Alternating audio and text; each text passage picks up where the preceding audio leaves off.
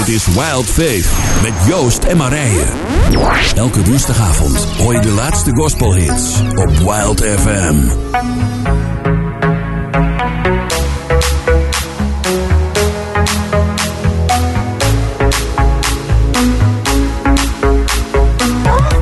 I wanna feel your heartbeat. I wanna feel you near me. I wanna be the one to have your heart. Wanna hear you call me. Where you go, I will follow. Through dark and the narrow. You were there through it all, through the best, through the worst, through the joy and the sorrow. And now I'm obsessed, and I want the world to know that you are my God and you are so wonderful. Your love is a flame, your love so untamable. So within my soul till I'm dripping. Like the sun in the summer rain. I feel you in my bones, coursing through my veins.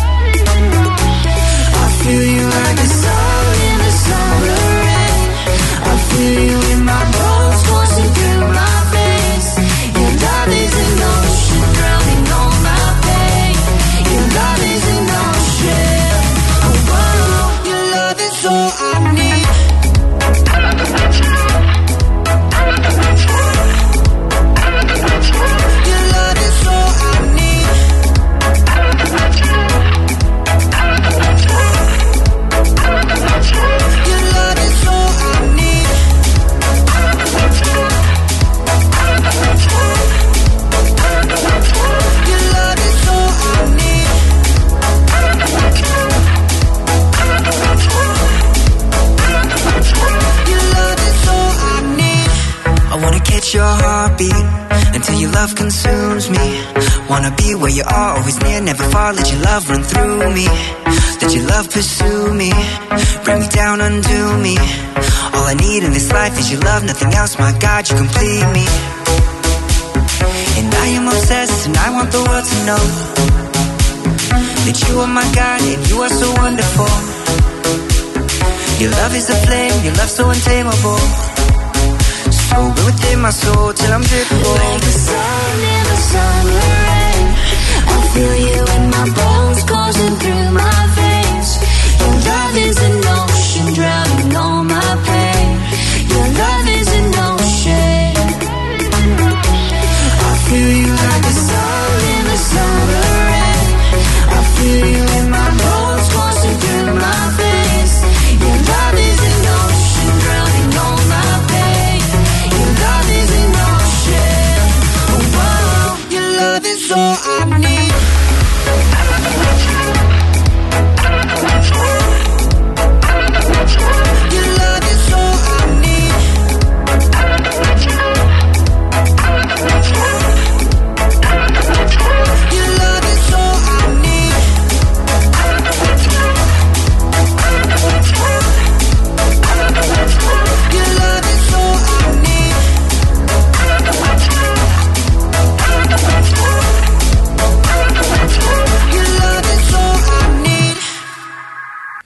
Ja, ja, dit was The Love, oh, That's All I Need. Hartelijk welkom bij eh Walt FM, bij Walt Fate vanavond hier.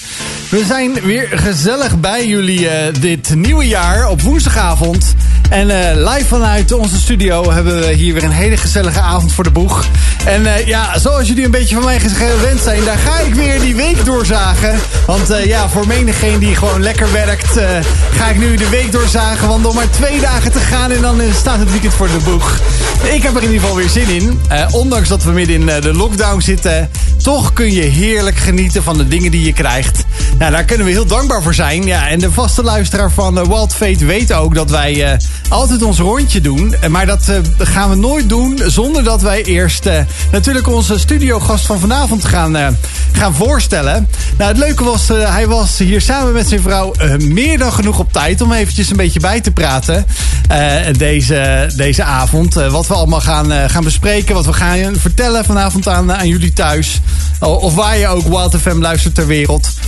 Maar hij zei in ieder geval iets over een elftal. Nou, en dan denk je gelijk misschien aan voetbal. Ah, nou weet ik ook wel dat hij een fan is. Eh, misschien ook wel heel erg van Ajax. Dat weet ik niet zeker. Kan hij zo meteen wel of niet bevestigen. Maar het gaat niet over een elftal spelers. Maar hij heeft notabene elf boeken geschreven. Nou, en hij heeft uh, het laatste boek, uh, zoals hij zelf zei, mijn kindje. Dat heb ik nog niet in handen gehad. Maar ik hoop het binnenkort vast te houden. En hij beschreef zelfs, daar ga ik er altijd even aan ruiken. Want zo'n nieuw boek, dat kan niet anders zijn dan dat het lekker ruikt. Nou, wie kan dat dan niet anders zijn dan Jan Pol? Hartelijk welkom Jan vanavond. Dankjewel. Leuk dat je er bent. Ja, ik heb er zin in. Ja, en uh, dat is Ajax. Uh, ben je een beetje Ajax-fan eigenlijk? Ik ben een ongelofelijke Ajax-fan. Kijk, ja. kijk, dan zit je hier op het goede station. ja, zeker. nou, leuk dat je er bent uh, vanavond, Jan. Ja.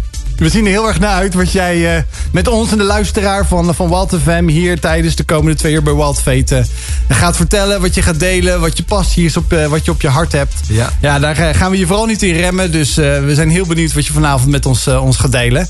En Marije, leuk dat ik je ook weer zie dit nieuwe jaar natuurlijk hier bij Walt FM. Ja, rise and shine. Rise and shine. Heb je daar een beetje zin in? Ik heb er absoluut weer zin in. Nou, heel goed, heel goed. Nou, ja, je, je kent ons kick-off rondje natuurlijk. Jij mag de eerste, de eerste zijn. De dame onder ons hier aan tafel vanavond.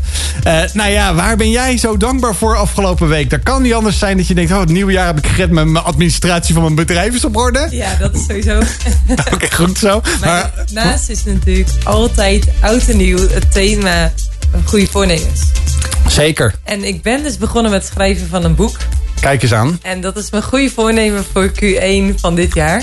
Iets afronden wat al heel lang op de plank lag. En ja, daar ben ik, uh, heb ik gisteren ook of meegemaakt. Dus ik heb heel erg veel zin om, uh, om daar lekker verder mee te gaan. Goed dus ja, zo. dan is het fantastisch om natuurlijk met een auteur aan tafel te zitten. die er al zoveel heeft geschreven. Dat is echt heel leuk.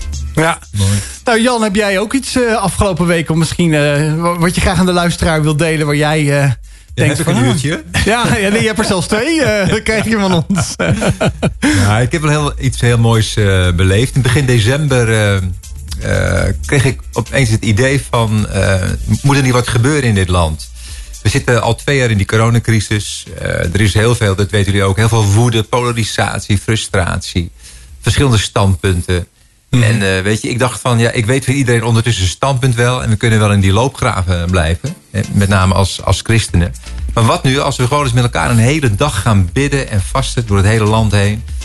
En dat we een tijdstip nemen, s'avonds om acht uur... dat over in Nederland in huiskamers... mannen, vrouwen, kinderen neerknielen... om het aangezicht van God te zoeken.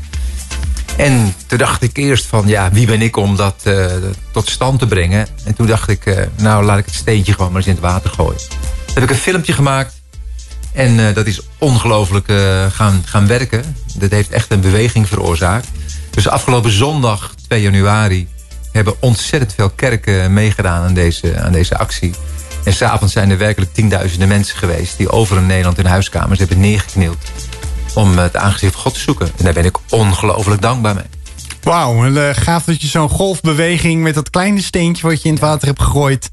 teweeg hebt gebracht in Nederland. Ja. Uh, ik wil daar straks echt wel wat meer over weten. Uh, misschien heb je dat ook wel in gedachten om te delen... en anders ga ik je erover vragen. Fijn, bedankt voor deze mooie start van het nieuwe jaar. ook kerkelijk gezien dat veel mensen zeggen... wij gaan geven daar gehoor aan. En ja, we willen daar ook gewoon God in zoeken. Ja. Prachtig dat het kan. Ja, heel mooi, dankjewel. En Joost, jij dan? Ja, ik, uh, ja, je zou bijna zeggen nieuwe voornemens. Ik heb niet direct een echt nieuw voornemen genomen Nee. voor dit jaar. Daar, daar durf ik me bijna niet aan te branden. ik ben gewoon dankbaar dat ja, we we als gezin uh, het voorrecht hebben gehad... om uh, een paar dagjes aan, de, aan de Zeeuwse kust te mogen zijn met oud en nieuw. Ja, het was heerlijk om het, bij, met het gezin te wandelen over de hoge duinen van Koude Kerken. Ja, en het leuke was, we zaten heel eventjes naar een andere zender te luisteren. Een of andere top van de vele tops die er waren. En toen zei mijn, mijn, mijn collega die daar presenteerde, die zeiden... je moet naar de drive-thru in Middelburg bij meester Bakker... Uh, Bliek was het, geloof ik. Nou, wij denken, we hadden nog geen oliebollen gekocht. Dus wij, wij gingen daar gewoon gezellig in de rij staan. En dat was nog ook. Dus waren nog heerlijk ook. Dus van uh, een dubbele zegen uh, met oud en nieuw. Geen buikpijn gehad. Ook er zat gist in, gelukkig. Want uh, ja, dat verhaal ging natuurlijk ook de ronde door heel Nederland, hè? Ja, ja. dat was echt uh, het nieuws van 2021 volgens mij. Ja, ja, maar laten we nieuw nieuws gaan maken voor 2022. Daar beginnen we zo meteen mee door... Um, even te bellen met een, eh, met een collega muziekmaker Jair. Eh, maar we gaan eerst even luisteren naar muziek. We zijn eh, zo bij je terug. Your love is devoted, like a ring of solid gold, like a vow that is tested, like a covenant of old. Your love is enduring through the winter rain and beyond the horizon.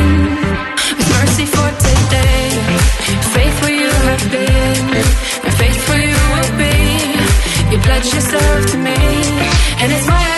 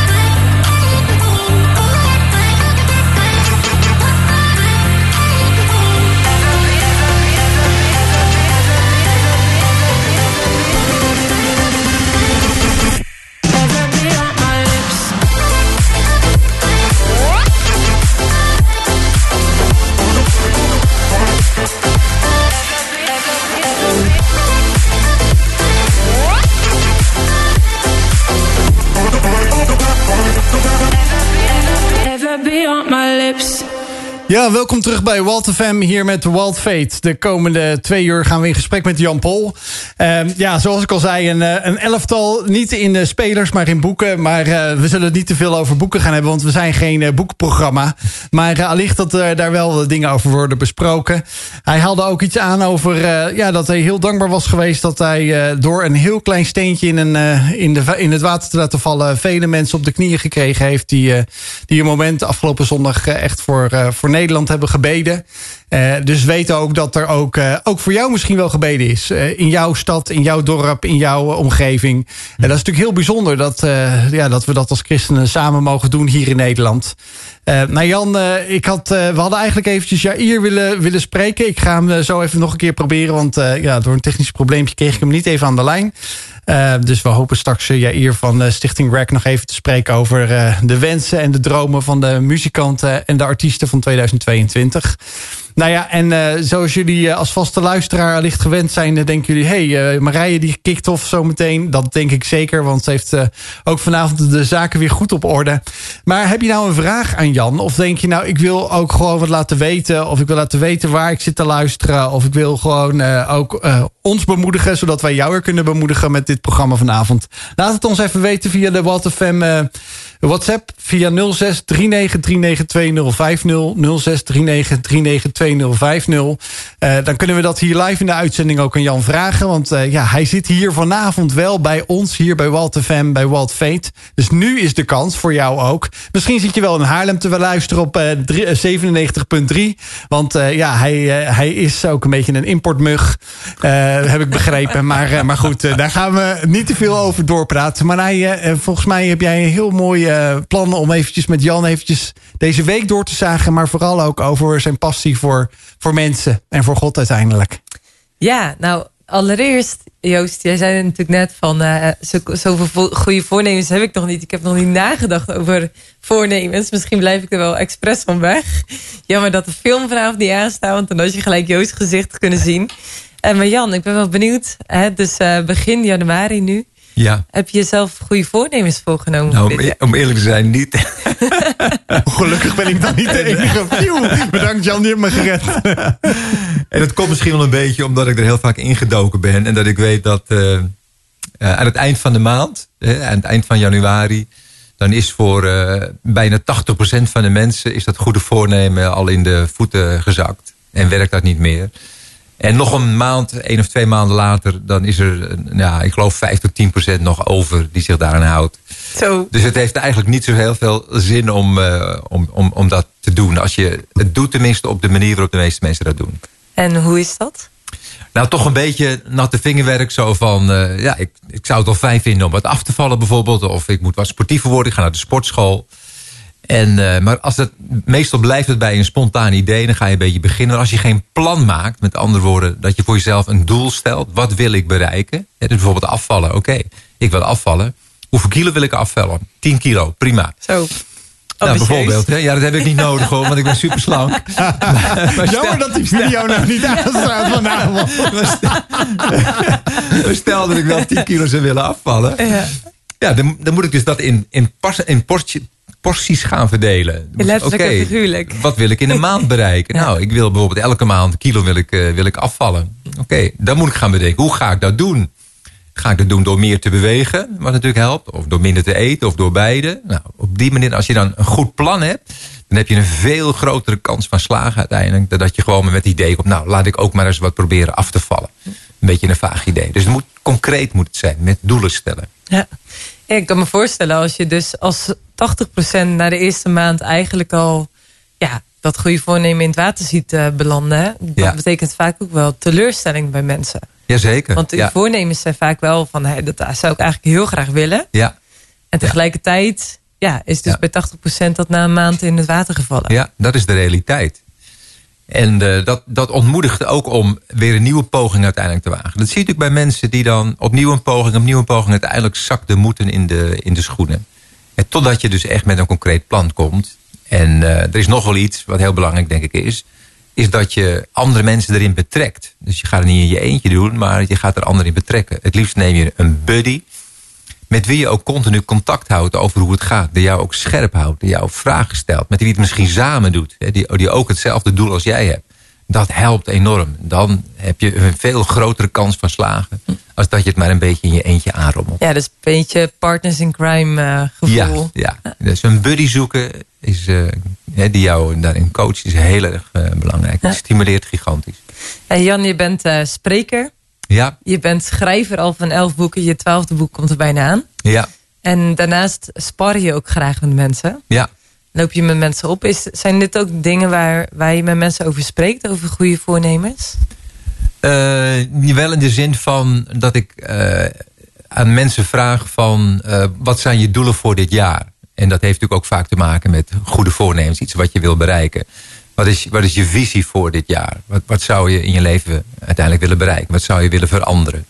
Dus dat, dat komt wel te sprake. Maar niet in de zin dat ik ze vraag... heb je een goed voornemen voor, voor dit jaar? En ik spreek natuurlijk mensen ook, uh, ik spreek er maar een paar in januari. Hè, dus ik, mentor heel veel uh, leiders in het land. Hè, dus leiders van kerken of leiders van christelijke organisaties. En ja, die spreek ik het hele jaar door. En in januari spreek ik maar een aantal. Dus dan in februari speelt het goede voornemen al niet, niet meer. En het, is, het is mijn verantwoordelijkheid vooral, dus eigenlijk niet zozeer om ze te coachen in eh, het halen van doelen en zo. Ik ben veel meer iemand die eh, zeg maar in hun leven is als een mentor, een vader... die ze helpt om eh, geestelijk emotioneel gezond te blijven. En er komen ook wel andere onderwerpen aan bod... maar dat is eigenlijk mijn, mijn hoofdtaak, zo zie ik dat. Om met ze op te lopen en te vragen... hoe is het nou eigenlijk met jou? Vaak wordt er aan ze gevraagd hoe het gaat met de dingen allemaal die ze doen... Hè, die allemaal ongelooflijk belangrijk zijn... Maar ik wil veel meer weten, hoe, is het met jou? En dan, ja, dat doe je door middel van vragen te stellen. En dus ik heb, een- ik heb een lijst van 14 reflectievragen, zoals ik dat noem. Dus dan ben ik een spiegel voor ze. En eh, het is niet zo dat ik nou in elk gesprek al die 14 vragen behandel. Soms is het er maar eentje. Hè, die dan zo raak is. En waar we dan twee, drie uur met elkaar over, eh, over praten. Dus mijn gesprekken zijn ook niet een uurtje. Dus als ik met iemand spreek, dan is het minimaal twee uur en vaak drie, vier uur dat ik met iemand eh, optrek. Het liefst wandel ik daarbij, maar dat is niet altijd mogelijk vanwege het weer in Nederland. Maar heel vaak zijn het wandelgesprekken. Ja, ik kan me zo wel voorstellen dat als je wandelt... dat dat echt de mooiste momenten eigenlijk creëert. Ja, dat, dat geeft een stuk ontspanning eh, bij mensen. Dus eh, je kijkt elkaar niet aan. Hè. Dat, is, eh, dat is voor veel mensen ook behulpzaam. Eh, Als je tegenover elkaar zit, je kijkt elkaar aan, ja, dan is het vaak wat moeilijker. En als je naast elkaar loopt en een beetje vooruit kijkt, dan worden mensen op een of andere manier ook sneller wat opener. En beginnen ze sneller persoonlijke dingen te delen. Dus dat, dat helpt. En dan is het ook niet zo erg als er een stilte valt. In een gesprek worden mensen vaak wat ongemakkelijk als het stil is. En als je met elkaar aan het wandelen bent, dan is dat prima dat er even een stilte valt. Dus het maakt het ook wat ontspannender. Ja, ik kan me dat zo voorstellen. Ik hou ook enorm van lekker buiten struinen. En alleen al door in de natuur te wandelen kun je al zo heerlijk ontspannen. Ja, Laat Ja. staan dat er dan nog een, ja, iemand die je zegt, hè, ik ben als het ware een vader. Dat je dan ja, eh, met jou oploopt en, eh, en gewoon het gesprek hebt. eh, Echt over van hoe is het nu echt met jou. ja. Ja. Want, want vaak, ik denk dat als we die vraag krijgen van hoe is het met je? Ja, goed en met jou. ja klopt. Maar daar neem je geen genoegen mee. Daar heb ik geen genoeg. Nee, ik stel wel concrete vragen. Ja. Ja, dus dus ik, ik wil je wel een voorbeeld geven. Hè. Dus, dus, eh, omdat ik natuurlijk een mentor ben van geestelijk leiders. Het zijn altijd eh, mensen die, eh, die God kennen en God dienen.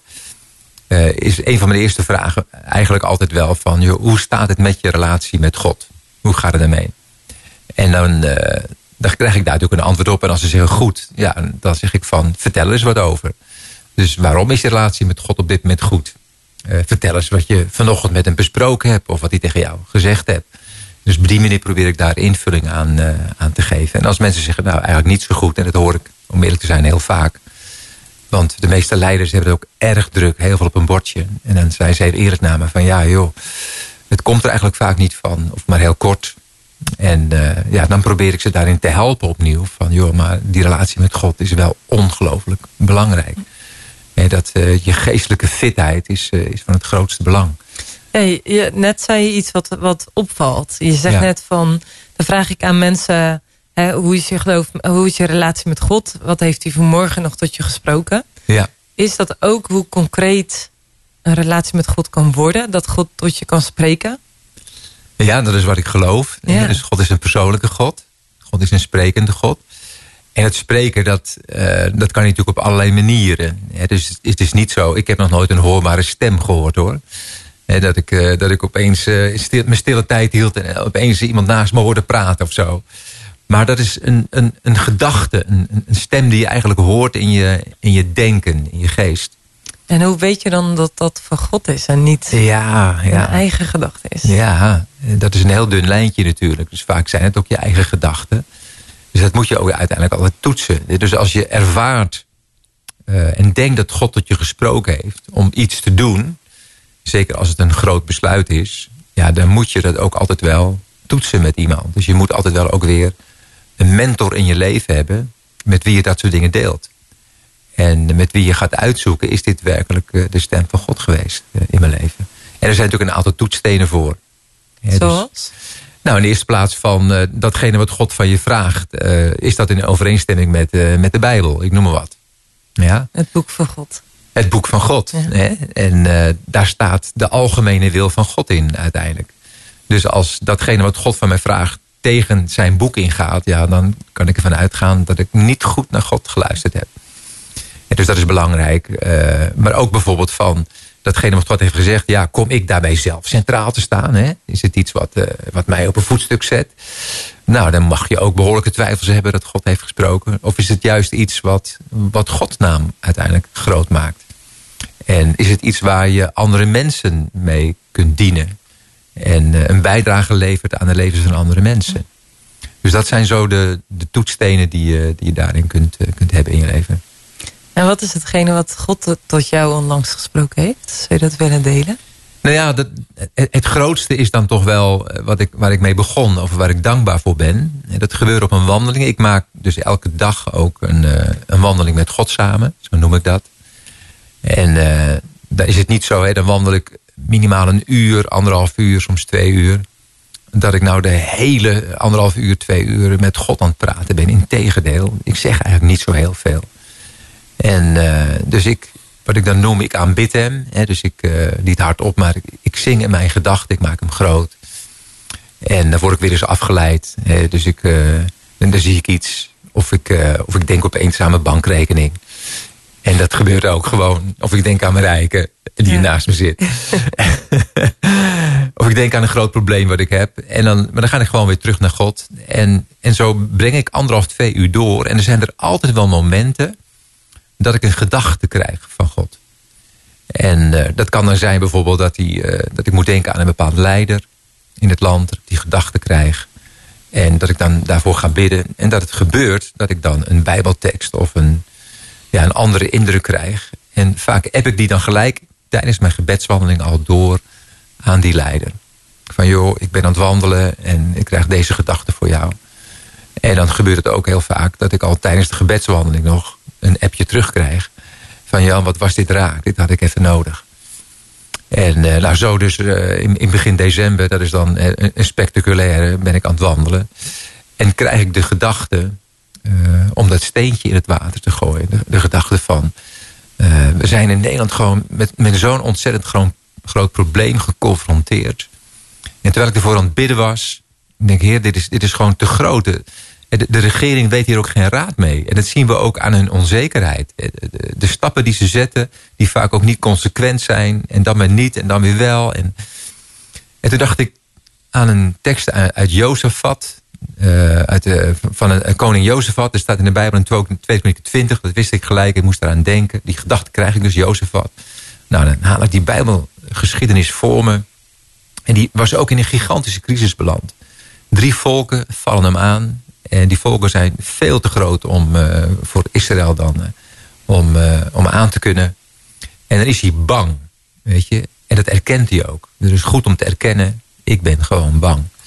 Maar dan doet hij een volgende stap, dan gaat hij naar God toe. En dan gaat hij bidden.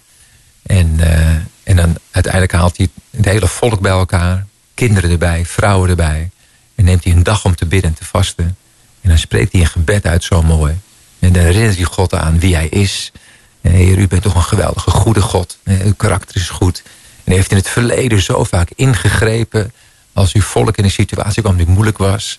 Nou, dan gaat hij bidden en dan zegt hij uiteindelijk... Heer, we zijn nu in een situatie beland die zo erg is... wij weten niet meer wat we moeten doen. Maar onze ogen zijn op u gevestigd. Nou, die gedachte, dat, dat kreeg ik dus zeg maar, in mijn denken. En dat ervoer ik als een woord van God. En ik dacht, maar dat is wat we moeten doen met elkaar. We moeten erkennen, we weten het niet meer. En dan kun je maar één ding doen, op de knieën gaan met elkaar. En dat zeggen tegen God, we weten het niet meer. We hebben u nodig in deze situatie. Onze ogen zijn op u gevestigd. Zo, prachtig.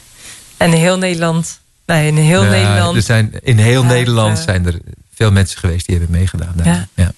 Het is een van mijn favoriete bijbelverhalen. Kijk. Ja, heel iets. Ik heb toevallig vorige week uh, heb ik dat boek er ook nog eens bij gepakt. Om ja. eens te lezen van uh, wat staat er dan. Dat is echt ja, een hele inspirerende man. Ja. We gaan straks meer horen. Want ik ben namelijk benieuwd naar je laatste boek. Ja. En dan gaan we straks uh, na muziek verder naar luisteren. Hoopvolle radio in de Randstad. Steun ons werk. Kijk voor meer informatie op wildfoundation.nl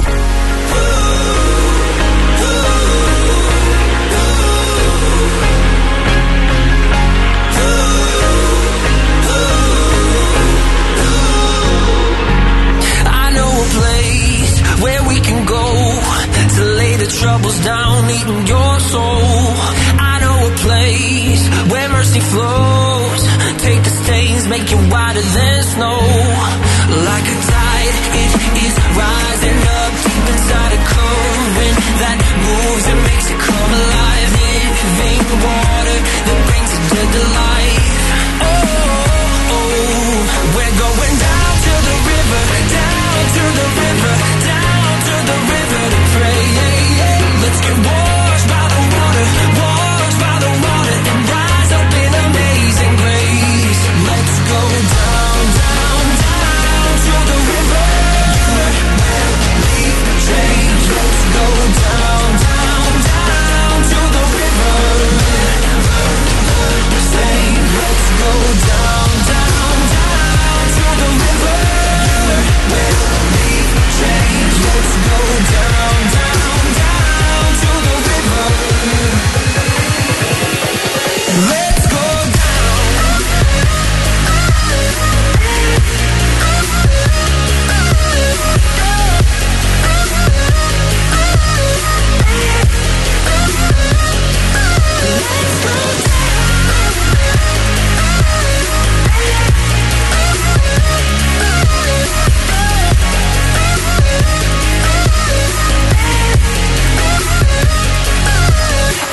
move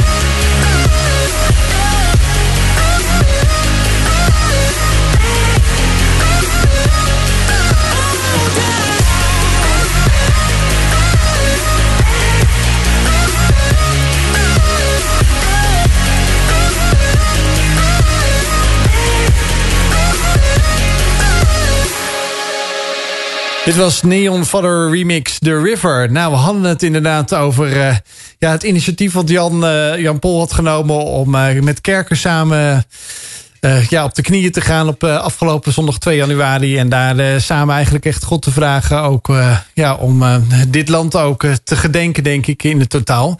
Maar wat mij eigenlijk vooral um, nieuwsgierig maakte Jan, jij, jij zei eigenlijk ook in je verhaal daar, de aanloop naar, uh, naar die climax toe, zei hij eigenlijk ook iets wat mij integreerde over uh, leiders. Dat jij uh, ja, veel leiders blijkbaar in jouw mobiel hebt zitten. En op het moment dat jij een gedachte hebt, hè, en dat je dat ook echt ervaart dat God dat tegen je spreekt, dat je dan eigenlijk zegt: Ik pak gelijk die telefoon. Um, ja. En ik ga ze gelijk eigenlijk bellen, of ik ga gelijk met ze praten, of ik app het aan ze door. Ja. En dan denk ik bij mezelf van nou, dan ben je echt een, eh, een, een padre de familia, als ik het al zo mag zeggen. Maar uh, hoe heb je dat, hoe ben je tot dat punt bereikt dat ook, ook leiders je daarin uh, ja, ook respecteren, maar ook dat ze denken van, nou, Jan die, die doet dat niet zomaar, want dat houdt ook in dat je een vertrouwensband Klopt. met die mensen hebt moeten opbouwen. Ja, ja. ja, en het is ook, ik moet wel even erbij zeggen, ook, het is natuurlijk ook zo dat ik niet zeg, uh, ik heb een woord van God voor je, of zo spreekt God. Nee. dus ik, ik hou het heel klein van, joh, uh, ik moest hier aan denken. of ik kreeg deze gedachten. En het is aan hun, dat weten ze van me, uh, om dan te kijken van, hey, is dit het spreken van God voor mij? Of moet ik het naast me neerleggen? En, uh, maar goed, als een leider op dat moment juist in de situatie zit... waarin niet datgene wat ik zeg nodig heb... ja, dan is het natuurlijk logisch dat hij op dat moment ervaart. Dit is een woord van God. Maar goed, die rol, ja, die krijg je toch door de jaren heen. Ja, dus ik ben inmiddels 67. En uh, dat, dat vaderschap, ja, dat, dat ontwikkel je uiteindelijk door, uh, door ervaringen natuurlijk in je leven die je meemaakt. Uh, en ook door de lessen die je leert. door ook de enorme diepe dalen waar je, waar je doorheen gaat. En die heb ik natuurlijk in mijn leven diverse keren meegemaakt. Dat ik ook in, in de moeilijkheden heb gezeten. En dat ik, dat ik God niet altijd ook ervaren heb op dat soort momenten. dus dat betekent dat ik voor jonge leiders uh, ze aan kan voelen. En een hand om hun schouder kan leggen. En zeggen, joh, ik denk dat ik weet waar je erheen gaat. Ik heb ook situaties uh, meegemaakt. En dat, ja, dat vertrouwen bouw je zo door de jaren heen, bouw je dat, uh, bouw je dat op. En, en aan de andere kant is het ook iets wat God op mijn leven heeft gelegd. Daar geloof ik ook in. dus, dus het is niet zo dat, dat iedereen van mijn leeftijd in Nederland die rol ook vervult. Ik was uh, eh, 35 dat ik voorganger werd. En uh, van een, een, gemeente die ik aan het pionieren was samen met Marijke. Een kerk is dat? Een ja, gemeente? Kerk, ja, een kerk, een kerk aan het pionieren was in Den Helder. En op een bepaald moment uh, ja, een gemeente van een kerk van, van 60, 70 mensen. En dus een kleine kerk. Maar toen ja, werd ik al door, ook door oudere voorgangers benaderd... of ze een keer een gesprek met me konden hebben. En op de een of andere manier lag toen al er iets op mijn leven... waardoor mensen graag gewoon uh, met me zaten en, uh, en, vragen aan me stelden. Ja. En naar me luisterden. Ik vind, ik vind het wel grappig even, of grappig, ik vind het jammer dat er vandaag, vandaag United Seven er nou niet is. Maar ik zou zeggen, Google Jan Pol. Uh, er zijn misschien wel heel veel Jan Pols, maar 67 jaar zullen er misschien wat minder zijn. Maar als je iemand hier zit, ik, ik zit serieus Jan, ik denk, als ik je zo aankijk en je spreekt tot mij, dan denk ik... Nou, ik kan zo voorstellen dat ik met je wandel. En dat ik ook zomaar, heel eerlijk gezegd, los van onze verbondenheid in het, in het geloof, dat ik ook, ook zou zeggen tegen je van wat er op mijn hart leeft. En dat, ik, dat ik ook nog die arm uh, om me heen zou als, uh, ja. accepteren. Ook al ken ik je niet heel erg goed. Maar dat, nee, dat straal ja, dat je uit. Ik. Dat, dat gebeurt me dus heel vaak. Ja. Dus ik, ik maak mee dat ik een eerste gesprek met een leider zit uit het land. En, en, dat zijn soms best leiders van grote organisaties. Of ik zit in een wegrestaurant met iemand te praten. En dat ze opeens beginnen te huilen na een half uur. door het onderwerp waar we... ik ben ook iemand die vrij snel de diepte in kan gaan. En dat ze tegen me zeggen van verontschuldigen, ja, dat gebeurt me anders nooit. En dan zeg ik, nou, geef niet door. Ik heb blijkbaar een zalving dat mensen gaan snel bij me, ja, bij me huilen. Dus, uh, maar goed, ik, ik, moet wel eventjes duidelijk maken dat uh, er kunnen allerlei mensen kunnen mailen, maar ik, ik heb geen plek. Hè? Dus ik heb kort geleden gesneden ook, heel duidelijk, in het aantal leiders wat ik, uh, waar ik een mentor voor ben. Want ik ben ook een trouwe mentor, snap je? Dus ik heb, ik heb een groep op dit moment van 35 leiders uit het land... Uh, waar ik een, he, die me echt als een mentorvader zie. En uh, waar ik echt jaarlijks een aantal gesprekken mee hou. Die ik ook een aantal keren per jaar bij elkaar haal. Dus met z'n 35 En dan haal ik een andere leider uit het land. Eh, dus een, zeg maar een gerespecteerde leider. De ochtend doe ik zelf. En dan vraag ik in de middag aan die leider, een bekende nationaal leider. Joh, geef het beste wat je hebt aan de groep leiders die ik hier, uh, hier heb. Ja. En uh, ik, ik doe wel ook daarbuiten wel gesprekken.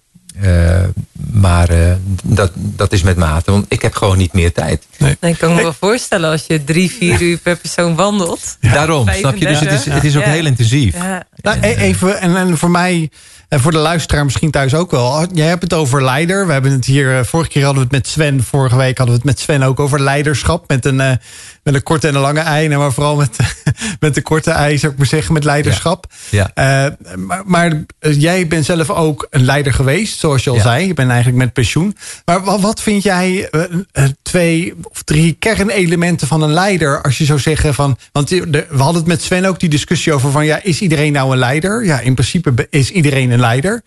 Uh, maar wanneer zeg je nou van ja, ik ben een leider uh, die dan ook daardoor misschien dat vertrouwen kan krijgen. Want dit is niet alleen het geestelijke. Dit zou bijna ook in het dagelijkse managementleven. Oh, misschien ja, ben je als luisteraar zeker. wel manager van een grote afdeling. Maar daarin Zeker. zit denk ik dat vertrouwen. Ja. Er zit heeft wel een bepaalde elementen nodig. Ja.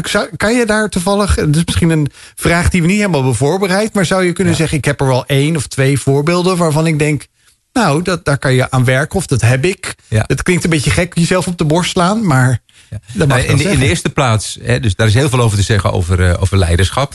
In de eerste plaats geloof ik dat, dat ieder mens geroepen is om eh, zeg maar leiderschap uit te oefenen. Ieder mens, niemand uitgezonderd. En waarom geloof ik dat? Omdat bij Genesis, in Genesis, bij de schepping van de mens, de mens die opdracht kreeg hè, om te heersen. En het woordje heersen is niet eh, zeg maar domineren, hè, eh, onder druk zetten. Maar het woordje heersen daar, daar wordt veel meer beheren mee bedoeld. Zorg dragen voor, verantwoordelijk zijn voor. Hè, dus dus, dus eh, ieder mens heeft een stuk verantwoordelijkheid en geeft leiding. Al is het maar aan je kinderen. Ja, dan geef je al leiding uiteindelijk. Dus daar zijn allemaal toe geroepen. Alleen staat er in, eh, in Romeinen 12 een, een rijtje van, van zeven gaven, bijzondere gaven. Daar staat dienen, daar staat barmhartigheid, daar staat profiteren. En daar staat ook leiderschap. Ja, eh, nou, iedereen is geroepen om te dienen, toch? Niemand uitgezonderd. Iedereen is geroepen om barmhartige daden te doen, om goed voor een ander te zijn. Dus daar zijn we allemaal toe geroepen. En daar staat toch een groep mensen die daarin excelleren. Dus er staat de gave van barmhartigheid. We zijn allemaal geroepen tot barmhartigheid. Maar een aantal mensen, en die kennen we allemaal, die zeggen van wow, weet je, die excelleert daarin. En hetzelfde geldt voor leiderschap. We zijn allemaal geroepen tot leiderschap, maar een aantal mensen heeft die specifieke gave gekregen. Die excelleert erin. Nou, hoe ontdek je dat uiteindelijk? Ja, door de invloed die jij uitoefent uiteindelijk. En leiderschap is niets als het invloed. Op het moment dat ik merk dat wat ik doe en wat ik zeg andere mensen beïnvloedt en in beweging gaat zetten, dan oefen ik leiderschap uit. Hè, En, eh, en, en, wat je dus merkt is, als jij dat op een goede manier doet, vanuit een goede motivatie, ja, dan gaan mensen je steeds meer vertrouwen uiteindelijk. En eh, ja, meer naar je luisteren. Meer tegen je zeggen van joh, vertel ons. Omdat je dat vertrouwen van ze hebt gekregen. Dus dat, dat leiderschap is, is dus iets wat, wat eigenlijk continu ontwikkelt. Op het moment dat je stilstaat in je leiderschap, zeg ik wel eens. Dat geldt voor elke groei en ontwikkeling. Je moet blijven groeien. Ja, Ik ben nu, eh, ik denk 35 jaar een spreker. En eh, ik geloof dat ik nog steeds kan leren om een betere eh, spreker te worden. Ik wil mezelf blijven ontwikkelen. Hetzelfde geldt voor leiderschap. Je moet altijd blijven ontwikkelen. Nou, hoe kun je blijven groeien in leiderschap? Door eh, dingen te lezen over leiderschap, artikelen, boeken. Door te kijken naar hoe andere leiders functioneren, hoe ze het doen. Eh, door gewoon leiders te benaderen, is met mij ook gebeurd. Dat heb ik in eigen leven ook gedaan, maar dat gebeurt mij ook herhaaldelijk. Er is iemand die zegt, die stuurt me een mailtje. Jan, eh, ik betaal je lunch, mag ik drie uur met je doorbrengen? En heel gericht gaat diegene allerlei vragen aan me stellen... om van me te leren over, eh, over leiderschap. Door als je de kans krijgt om een stukje leiderschap uit te oefenen... om die kansen ook te grijpen, ook als je het eng vindt. Pippi Langkous heeft wel eens gezegd van... ik heb het nog nooit gedaan, dus ik denk wel dat ik het kan. Zo van, nee, dus je moet ook de moed hebben om op het water te gaan lopen. Er wordt je iets gevraagd, neem die leiders. De- Ook al vind je het eng. En de grootste groei van leiders vindt plaats in crisissituaties. En daar valt heel veel over te zeggen. Zeker, Dus daar, kunnen we, juist- daar kunnen we nog Dus, een paar eh, afleveringen dus, maken. Ja. dus ik zou even, Ja. even om, dat af, om dat kort te sluiten. Eh, toen eh, corona begon, de coronacrisis, vorig jaar eh, eh, maart hè, was het. In maart en april ben ik door tientallen, tientallen leiders uit het land gebeld. En eh, bijna allemaal ook met eh, de vraag: Jan, help, wat moet ik? Weet je, de kerken hadden niet zomaar opeens een online dienst klaar liggen. Op dit moment hebben heel veel kerken online diensten. Maar dat was natuurlijk helemaal niet zo. De grote kerken hadden dat. Dus heel veel kerken wat moeten we? Hoe, hoe kunnen we kerk blijven met elkaar in deze crisis? Help. En tegen al deze leiders die me opbelden, heb ik het volgende gezegd. Ik heb gezegd van joh, in het Japans, eh, het woord crisis, eh, in het Japans werkt met tekens. Het woord crisis bestaat uit twee tekens. Het eerste teken is gevaar. En het tweede teken is kans. Weet je, dus we zien het gevaar. En dat is goed om het te zien. En we worden even bang, ook prima. En we komen even in een modus, weet je, eh, van hoe kan ik overleven? Prima, dat mag. Maar probeer zo snel mogelijk om te schakelen naar welke kansen zitten er in deze crisis. En wat ik heb gemerkt, goede leiders, die kijken het snelst naar de kansen in een crisis. En leiders die niet goed zijn, die blijven eigenlijk hangen ja, in het gevaar. En dat soort leiders wil maar één ding. En die heb je nog steeds op dit moment. Als dit maar weer voorbij is. Dan kunnen we weer teruggaan naar het oude. Nou, dan ben je in mijn ogen geen goede leider. Je moet in een crisis juist zeggen... Heer, het is nu crisis. Welke kansen liggen hier voor mij, voor mijn kerk... voor mijn organisatie, voor mijn bedrijf? Welke kansen? Altijd proberen te kijken in kansen. En daar zie je de leiders zeg maar, echt naar boven komen en eh, ontwikkelen. Nou, je hebt hier eh, als luisteraar een eh, zeven minuten durende TED-talk gekregen die goud waard is. Dus heb je hem nou net gemist omdat je inhaakt, ga morgen luisteren in de podcast. Dit is heel waardevol, Jan. Dit Dankjewel. is heel erg bedankt dat je ook dit deelt in, in, in deze eh crisis. Nee, nee, nee, ja. dat weet ik namelijk. Maar toch, soms zijn dat soort dingen komen zomaar naar boven. Ja. Mooi. En dat komt ook wel inhaken op vorige week, waar we het over hadden met Sven, over leiderschap. Eh, en dat maakt het wel interessant dat op deze manier dat we elke week ook hier gewoon zitten en met de mensen in gesprek gaan. Eh, dat, het- dat maakt het wel waardevol. Nou, nu haakt het ook een beetje aan op de geloofsvraag. En eh, Joost gaat even gauw eh, op zoek naar de jingle. Ehm, maar je zei ehm, in het eerste blokje wat we al hadden met elkaar... van hè, God heeft iets op mijn leven gelegd. Nou, ik kan me voorstellen dat de luisteraar denkt... eh, God heeft iets op mijn leven gelegd. Eh, maar waar het niet dat eigenlijk de vraag die ik aan jou heb vanavond...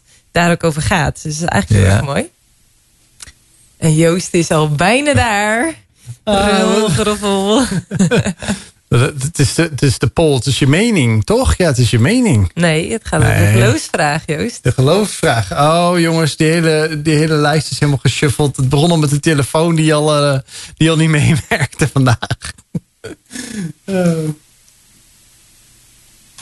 Maar anders doen we het zelf. Dan doen we hem zelf. Dat is de Ja, ja, ik geloofsvraag. heb hem hier, ik heb hem Kijk, hier. Oh, kijk, komt komt hij dan, komt hij dan.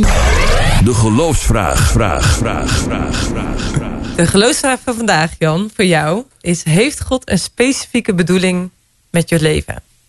Ja, jongen, jongen. Dat is een hele belangrijke vraag. En eh, waar ik zelf heel lang mee geworsteld heb. En dus ik, ik, ik geloof dat inderdaad iedere mens... eh, het is een beetje een gewichtig woord, maar ik ga het klein maken zo meteen... een roeping heeft op zijn leven. Door God geroepen is. En eh, in de Bijbel wordt er ook over gesproken heel duidelijk. Hè, dat, we, dat we een roeping hebben op ons, eh, op ons leven. En dat zijn we ons niet altijd bewust, maar die roeping is er wel. En een Amerikaanse schrijver, Mark Twain, heeft eens gezegd... de twee belangrijkste dagen in je leven... zijn de dag dat je geboren werd... en de dag dat je ontdekte waarom. En die waarom-vraag heeft iedere mens die op deze aarde rondliep, rondloopt. En eh, vroeg of laat komt die vraag bij je terug. En vaak meerdere keren in je leven komt die vraag terug. Omdat er weer een nieuw seizoen in je leven aanbreekt. En dat je afvraagt, waarom leef ik eigenlijk? En die vraag heb ik zelf ook gehad in mijn leven. En eh, zonder dat ik God kende. Ik ben niet christelijk opgevoed. Dus ik heb God eh, heel lang niet gekend. Mijn ouders geloofden niet. Mijn grootouders niet. En ik heb een leven geleid. eh, ja, een zoektocht eigenlijk van... wat is de reden van het bestaan? Waarom, waarom leef ik? Er was een groot gat in mijn leven, kan ik wel zeggen. Van eenzaamheid, van zoeken. Ik heb ook dingen meegemaakt die me verwond hebben. Emotioneel pijn hebben gedaan. En eh, in mijn studietijd eh, ja, heb ik met die grote vragen rondgelopen en ik kwam er niet uit. Dus ik begon daarover veel te drinken. Veel relaties eh, gehad. En ik kwam er maar niet uit. En ik dacht letterlijk op dat moment van... ik, zo, zo drukte ik het uit. Wat een, wat een rot leven heb ik eigenlijk. En het, het is zelfs zo dat ik in een fase van mijn leven dacht... ik laat mezelf steriliseren. Ik wilde niet het risico lopen dat ik in mijn losse contacten een kind op deze verrotte planeet neerzet. Dus mijn leven was, was eigenlijk doelloos. En, uh, en toen op mijn 25ste, ik was werkzaam in een uh, ziekenhuis in Den als fysiotherapeut. Dus ik had in Amsterdam gestudeerd, uh, fysiotherapie. En ik was daar aan het werk een jaar en ik zette daar mijn leven voort van veel drinken en veel relaties. En toen ontmoette ik een ongelooflijk mooie verpleegkundige waar ik smoor verliefd op werd. En zij in eerste instantie niet op mij. En uiteindelijk heb ik contact met, met deze jonge vrouw gehad. Ze was 21 jaar. En ze kende mijn reputatie. Ze was, bleek een christelijk meisje. Ze dacht, die jongen moet ik ver bij me vandaan houden. Maar het, het, ik was natuurlijk onweerstaanbaar. Nee, gek. Zij ervoer dus echt van God, het spreken van God daarin. Uh, dat ze het moest toestaan. Dat ze contact met me moest... Uh, dat, ja, een afspraak met me moest maken. En zij vertelde mij... De eerste persoon beleven die me vertelde over God. En ik reageerde heel bot. Ik heb hem tegen haar gezegd... We wandelen langs de dijk in Den Helder. Geloof je in God? Dat is voor, voor gekken joh, en voor oude mensen. Maar een jong meisje zoals... Ja, geloof toch niet in God? Kom op. Ja, zeker, zei ze. En zegt... Ik spreek met hem. Hij woont in me. Nou, ik vond dat belachelijk. Ik denk, wat een onzin zeg. We hebben in drie weken tijd bijna elke avond langs die dijk gewandeld. Ik smoor verliefd en zij niet. En ik dacht maar één ding. Ik moet het arme kind van de geloof brengen. En ik, ja, ik wilde haar wel. Ik wilde een relatie met haar. Maar ik wil niet die God. En uh, na drie weken hadden we een gesprek met elkaar. En toen zei ze in het gesprek het volgende. Ze zei, Jan, God heeft in ieder mens een leegte geschapen. En dan kan je proberen op te vullen met drank en met vrouwen, eh, met geld, met een mooie baan, carrière. Maar die leegte zal blijven. Er is maar één iets wat die leegte kan opvullen. En die iets is een persoon. En die persoon heet Jezus. En toen priemde ze op mijn borst en ze keek me aan met die ogen zo mooi. En die priemde door mijn, mijn ogen heen en zei... en die Jezus heb jij nodig. Vanaf dat moment zijn er twee versies van het verhaal. Mijn versie is dat ik haar een zachte duw gaf. En zei, jij met je Jezus. Haar versie is dat ik haar een klap gaf. En, eh, maar op dat moment dacht ik van uh, over en uit. Dus ik heb haar teruggebracht naar de zusterflat waar ze woonde. En uh, geen nieuwe afspraak gemaakt. Ik dacht van nee, dit werkt niet. Dit is gewoon hopeloos. Ik moet dit opgeven. Ik zal dit meisje nooit veroveren. En toen ben ik teruggegaan naar huis. Ik woonde in een eensgezinswoning. Had ik gekocht. En ik ben gaan slapen. Maar ik kon niet slapen. Ik lag te woel in bed. En dit speelde zich af op 22 augustus 1979. Ik weet het zo goed. Omdat het een hele heftige gebeurtenis voor me is geweest. Ik ging mijn bed uit. Ik voelde eenzaamheid en angst. Ik had heel veel angst in mijn leven. En uh, zoals gewoonlijk zou ik naar beneden gaan om daar uh, wat in te drinken. Wat wijn, wat vodka. De stad in te gaan, nog wat te drinken. In de hoop een meisje tegen het lijf te lopen, mee naar huis te nemen. Om uh, die leegte op te vullen. En ik stap mijn bed uit en ik hoor die woorden van haar opnieuw. Leegte in je leven, je hebt Jezus nodig. En toen ben ik op dat moment op mijn knieën neergevallen. En uh, ik heb het uitgeroepen. Zoiets gezegd van, nou, God als u dan bestaat dan weet ik wel dat ik u nodig heb. Ik weet niet waar u bent, hoe dat werkt. Maar hier ben ik. Ik heb u nodig, kunt u komen. Ja, en toen gebeurde wat met me. Ik heb hem niet gezien hoor. Ik heb geen verschijning gezien. Maar er kwam zo'n enorme rust en vrede van binnen in mijn leven. En uh, dat is mijn bekering geweest. Een totale ommekeer, echt totaal ommekeer. Dat heeft mijn leven zo op zijn kop gezet. Uh, ik heb geen druppel drank meer aangeraakt, nooit meer. Ik heb al mijn drank door de gootsteen gespoeld ben radicaal tot geloof gekomen. Ik zeg altijd, ik ben thuisgekomen bij God. En toen ik thuis kwam bij God, kwam rust. Maar toen heb ik ook ervaren dat God een plan had met mijn leven. En ik wist ook, het is mijn verantwoordelijkheid om dat plan van God met mijn leven, om dat te ontdekken ook. Die roeping die God op mijn leven heeft gelegd. En dan ben ik uiteindelijk, ja, heb ik dat ontdekt in mijn leven. En heb ik echt het idee van, ik wandel in mijn roeping. En wat is nou die roeping? Ik maak het vaak heel, heel klein. Als ik uh, mensen zeg maar, daarover spreek, dan zeg ik van... Wat is het geschenk wat jij de mensen om je heen mag geven? Wat voor unieks heb jij waarvan je weet... Weet je, als ik dat aan mensen geef, dat stukje van mezelf... dan maak ik mensen blij. Dan maak ik mensen een stukje beter. Dan leef ik een positieve bijdrage aan iemands leven. Dan leef je eigenlijk een betekenisvol leven. En dat, een betekenisvol leven leiden... geeft je leven ook zin, het geeft vervulling. Heel veel mensen zijn op zoek naar geluk. Dat, dat heeft geen zin, want wat is geluk? Geluk is afhankelijk van allerlei omstandigheden. Geluk is afhankelijk van het feit, ja, van, van geld, weet je. En als ik gezond ben en ik heb geld en ik heb een goede vrouw, een lieve vrouw, goed huurlijk, dan voel ik me gelukkig. Maar ja, wat nu als ik mijn gezondheid verlies? Wat nu als ik mijn geld verlies, failliet raak? Wat nu als ik uh, mijn relatie opeens uh, verslechter? Ja, als ik daar mijn geluk uit wil halen, uiteindelijk, ja, dat is een wankele basis. Geluk heb ik gemerkt, is een bijproduct van een betekenisvol leven. Dat is mooi. Daar gaan we straks verder over in gesprek. Maar het is een hele mooie cliffhanger voor het tweede uur. Want dit is echt wel prachtig wat je zo uh, deelt. Dankjewel Jan. Wild Hit Radio. De nummer 1. Voor hits.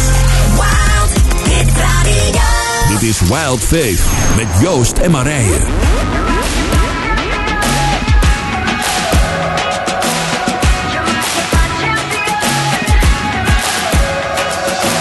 Right now feels like I'm surrounded. Afraid I can't go another round.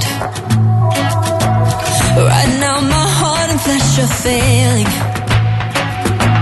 And I feel like throwing in the towel.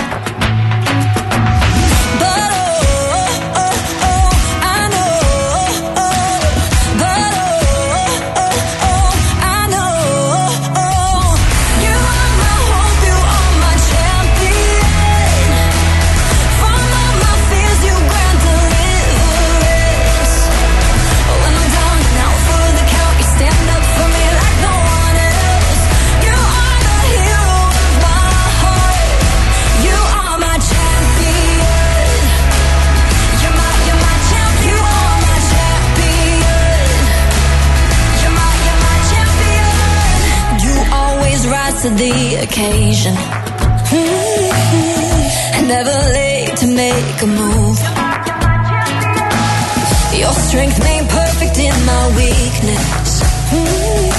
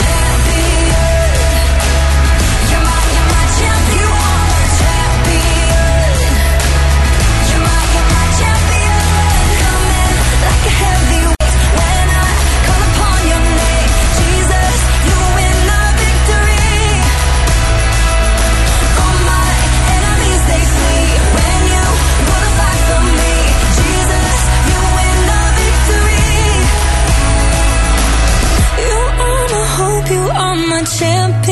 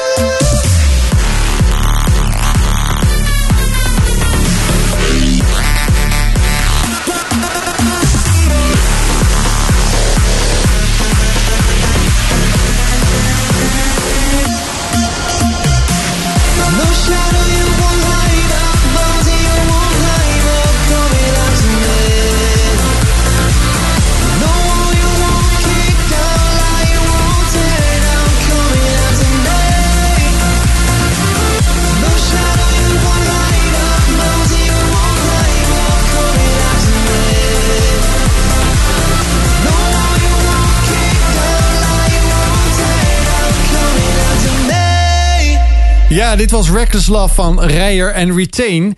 Nou, ik zag eh, net eh, toen ik Retain eventjes op eh, Instagram zat te, te bekijken... dat hij binnenkort weer een nieuw, eh, nieuw lied uitbrengt. Dus ik denk dat dat binnenkort hier bij Walt FM, bij Walt V te horen zal zijn. Want Retain is ook een van onze vrienden van de show. met waanzinnig gave muziek. Hou dit eventjes in je achterhoofd. Reckless Love. En vooral dat woord reckless. Want daar gaan we zo meteen eventjes verder over in gesprek met een themaatje... wat we hier vanavond met Walt FM met Jan Pol bespreken. Ja, we hebben het eh, al over eh, leiderschap gehad. En eigenlijk eh, misschien wel kenmerken van een heel bijzondere eigenschappen van leider. Maar dat eigenlijk iedereen het in zich heeft. En als je nou denkt, ah, dat eerste uur. Jan heeft eigenlijk een ja, eh, goudklomp gegeven. eh, het eerste uur. Dat natuurlijk eh, door onszelf ook een beetje moet worden gepolijst. En uiteindelijk is het God die het laat glanzen. Dus je bent er zelf mee bij betrokken om het de vorm te geven. En uiteindelijk geeft God daarin de glans van dat leiderschap.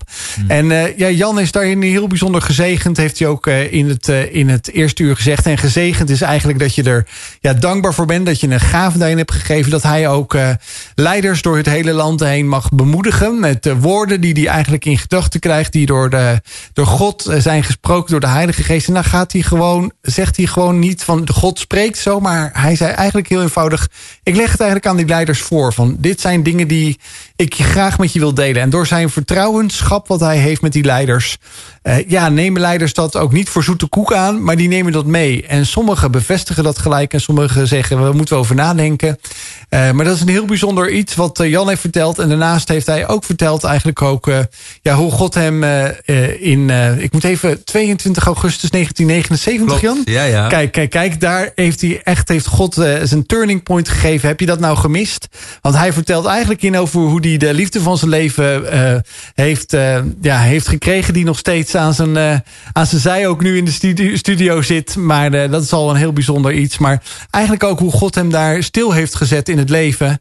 En de kostbaarheid van het leven. En dat is eh, het moment eh, ja, waarin jij bent gaan leven, Jan, denk Ja, ik. Heel mooi ja. gezegd. Klopt. Nou, welkom terug, eh, tweede uur bij Walt FM. Leuk dat je, er, dat je er nog steeds bent. Dat je niet bent weggerend tijdens het journaal en de muziek.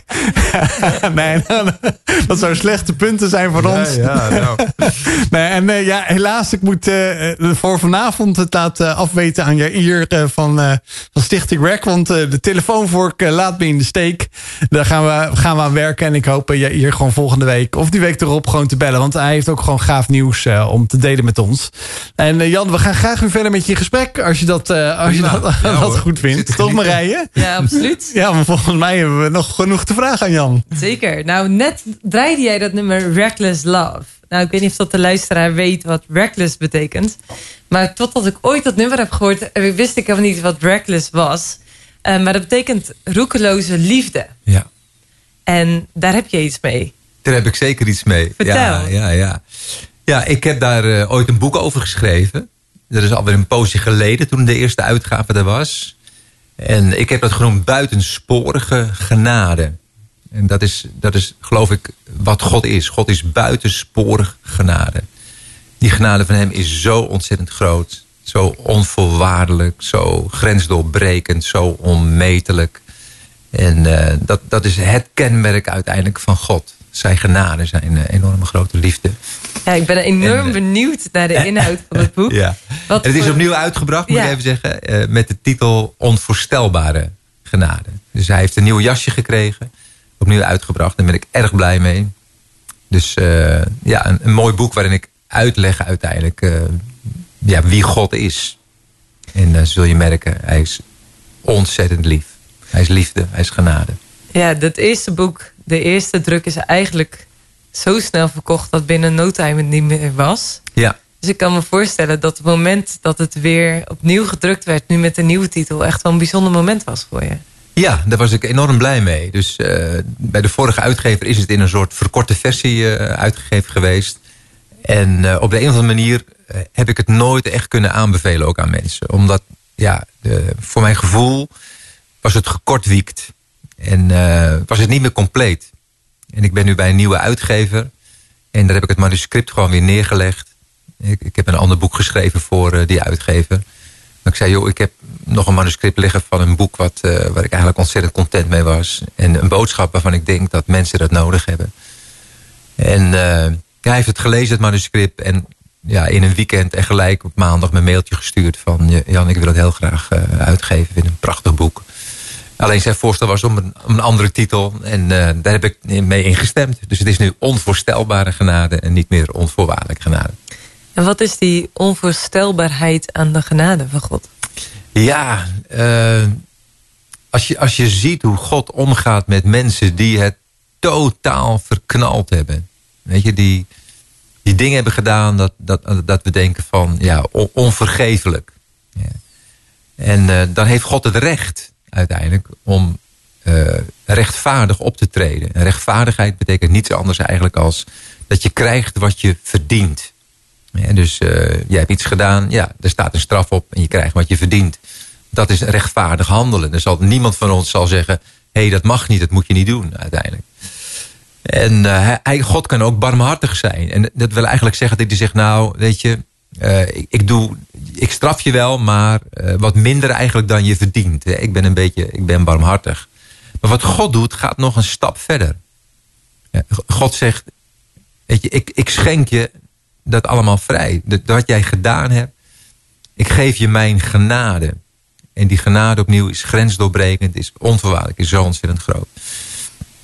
En het is zo moeilijk voor mensen om dat te pakken. Ik kan het zeggen, je vertelde net je levensverhaal. Ja, Waarin je eigenlijk ook zei van nou, ik, ik, had, ik ervaarde zo die leegte in mijn leven. Wat ik met zoveel dingen probeerde op te vullen. ja, En dan is er God die zegt van weet je, ook al heb je er een potje van gemaakt.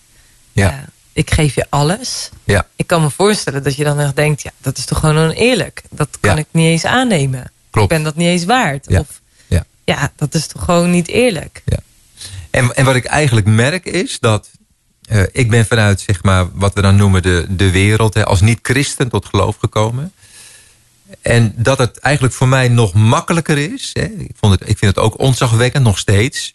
Het is zelfs zo eh, dat ik dat elke ochtend gedenk. Dat ik elke ochtend heel bewust terugdenk aan het feit wat Jezus voor mij gedaan heeft. En dat doe ik door in mijn eentje elke ochtend avondmaal te vieren. Het avondmaal, als je geen christen bent, en daar gedenk je eigenlijk het sterven, het lijden van Jezus. Voor jou, voor onze zonde. Dat waar Pasen eigenlijk over Waar gaat. Pasen voor staat ook, ja. ja. En dat, dat doe ik elke ochtend. Elke ochtend, eh, ik drink geen wijn meer vanwege mijn alcoholverleden. Maar ik, ik neem dan druivensap, een stukje brood. En elke dag, zeg maar, dank ik God dat hij voor mij gestorven is. Dat hij zo genadevol was.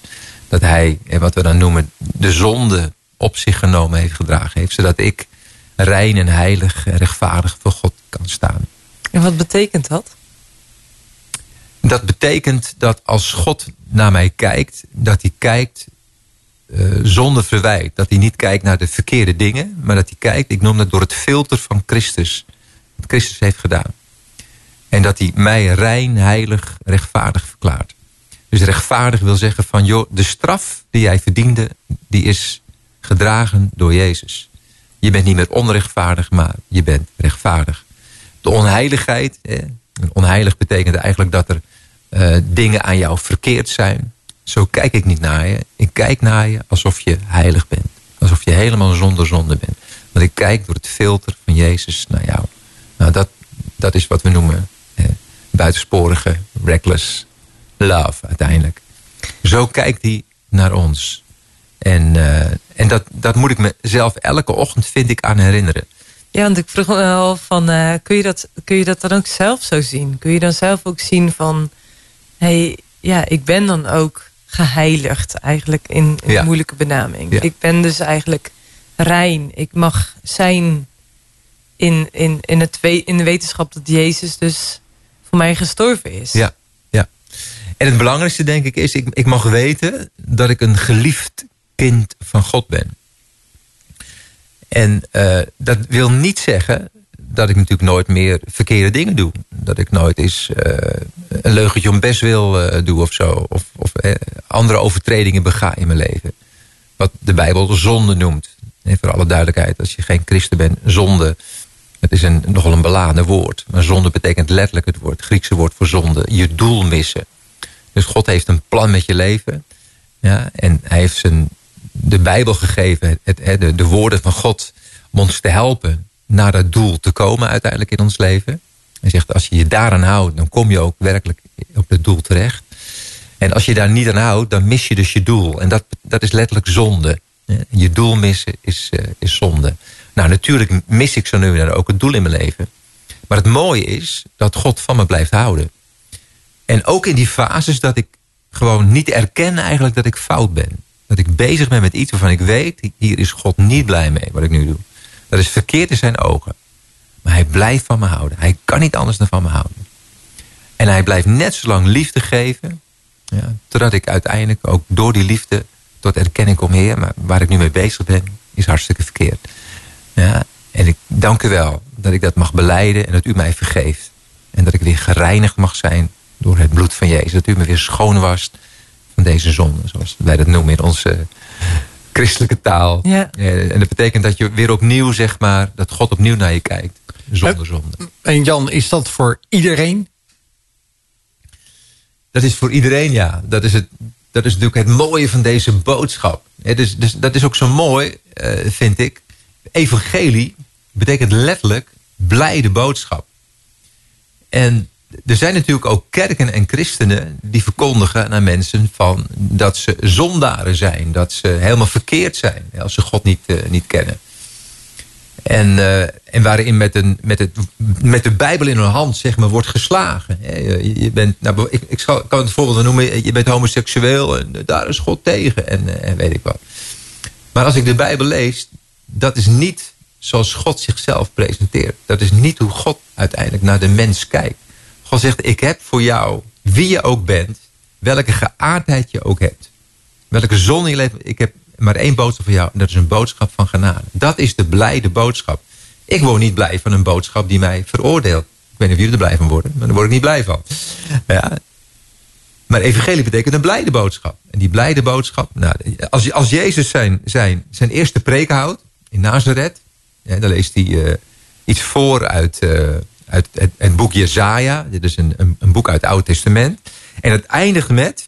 En de tijd van Gods genade is aangebroken. Dat is wat hij zegt.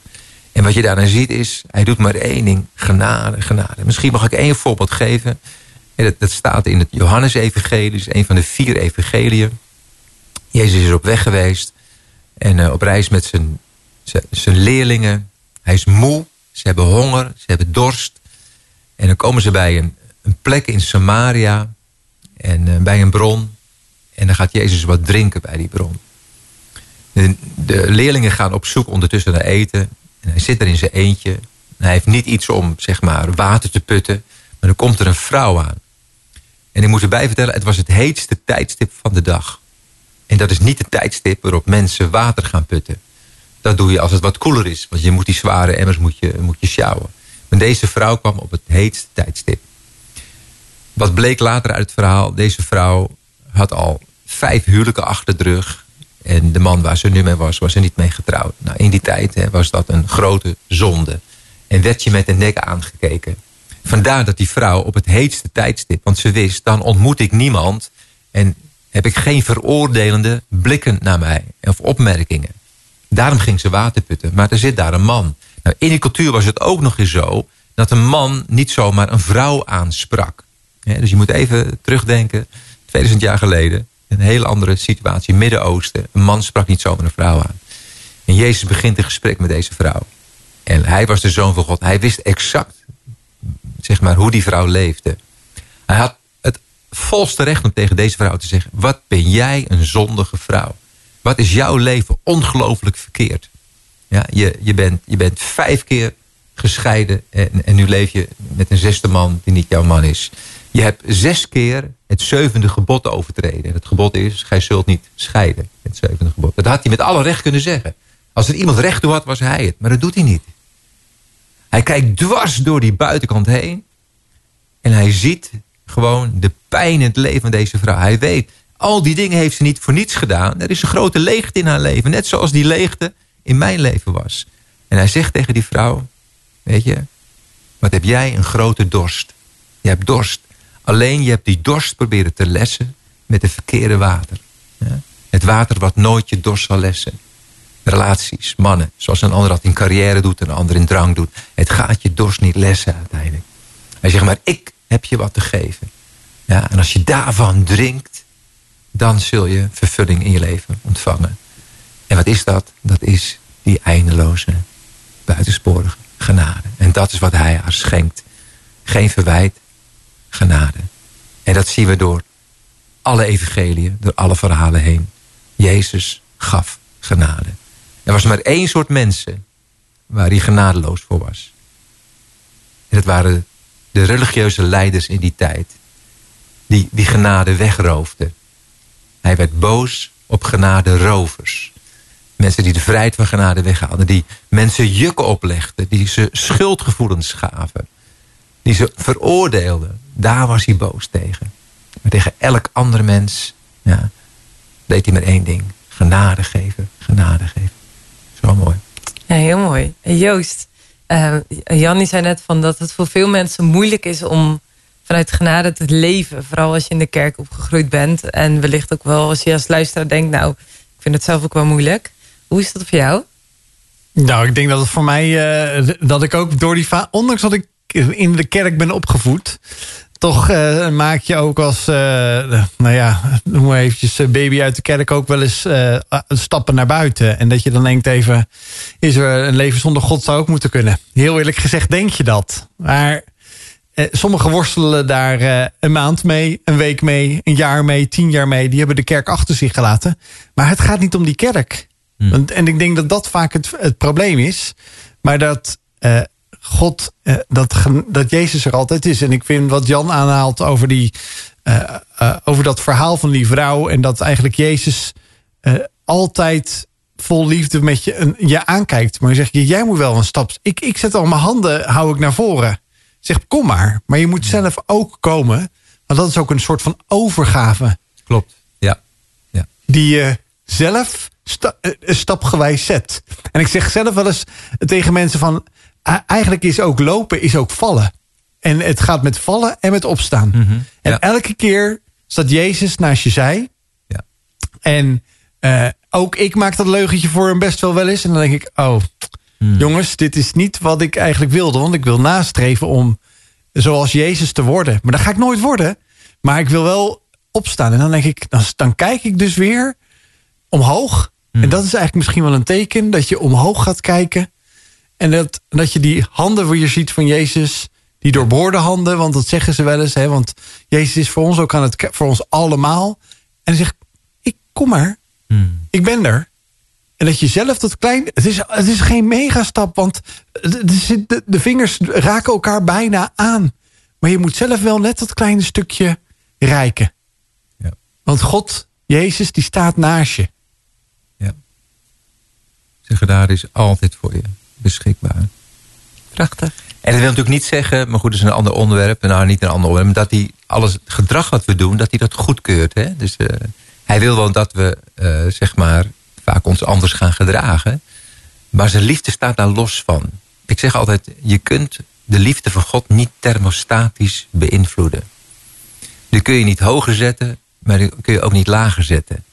Dus ons gedrag verandert nooit de liefde van God. Die staat los van wie wij zijn en wat we doen. Die is echt onvoorwaardelijk. En als je daar een openbaring over krijgt, wow. Dat is zo bijzonder. Want voor jou, Marije, heb jij die onvoorwaardelijke genade... of die onvoorwaardelijke liefde eigenlijk... die, die, die, die reckless love van Jezus ook zelf wel eens ervaren in Ja, je dus leven? Ik moest denken aan eh, Jan, die zich eigenlijk presenteert als eh mentor-vader voor velen. En als ik denk aan Reckless Love, dan moet ik heel erg denken aan, eh, aan wie mijn vader is. En mijn vader is een eh, diepgelovige man. Hij zal eh, in, in een groep niet zozeer op de voorgrond treden. Maar als je hem vraagt om, om wijsheid, dan komt er al een hele bulk aan wijsheid uit. En mijn vader heeft mij altijd een stukje laten zien van hoe, hoe God kan zijn. In de liefdevolle vader die hij is. Ja. En dat heeft voor mij zoveel dingen makkelijk gemaakt. Realiseer ik me wel eens. Gewoon ook voor mij als opgroeiende jonge meid. En ik vergeleek dat wel eens met meiden om me heen. Gewoon de onzekerheid die ze ervaarden. Of nou ja, eigenlijk de, het verlangen naar aandacht van jongens of zo. Ik herkende dat helemaal niet. Omdat ik gewoon zo overladen werd door liefde. Tja, eh, door mijn eigen vader. En ik denk dat ik daarom heel makkelijk Gods Mm. Ja. kon aanvaarden. hè, onvoorwaardelijke liefde, omdat ik die vanuit huis ook kende. En ik kan me ook zo maar voorstellen, als mensen dat niet kennen... ja, dan lijkt het me zo moeilijk als je nadenkt... ja, maar dan is God iemand die zichzelf als vader presenteert. Ja, Ik weet dat je in je boek ook daar iets over geschreven hebt. ja klopt. Dus laten we daar straks meer over Ja, want het is heel erg belangrijk. Ja. Het beeld van wat je van God hebt... is enorm beïnvloed uiteindelijk... door het- beeld wat jouw ouders eh, aan, je, aan je gaven. Klopt. Elke woensdagavond hoor je de laatste gospelhits op Wild FM.